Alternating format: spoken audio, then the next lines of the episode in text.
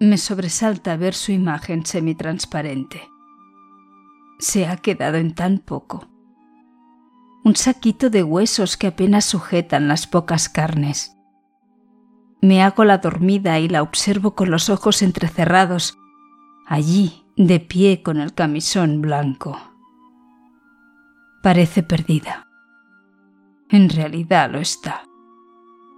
Es la tercera vez esta noche que llega hasta mi habitación y se detiene en el vano de la puerta, como si una barrera invisible le impidiera pasar.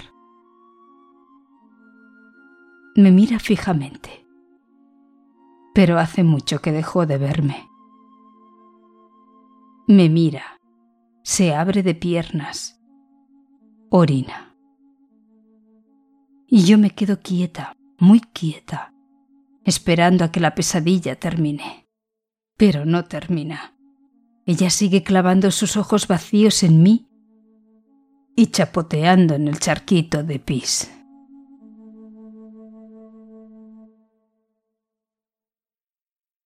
«21 gramos» de Rosa Martínez Famelgo. Relato ganador del concurso de microrelatos de la Biblioteca Esteba Paluzzi de Barberà del Vallès de octubre de 2020. Grabación en veu alta.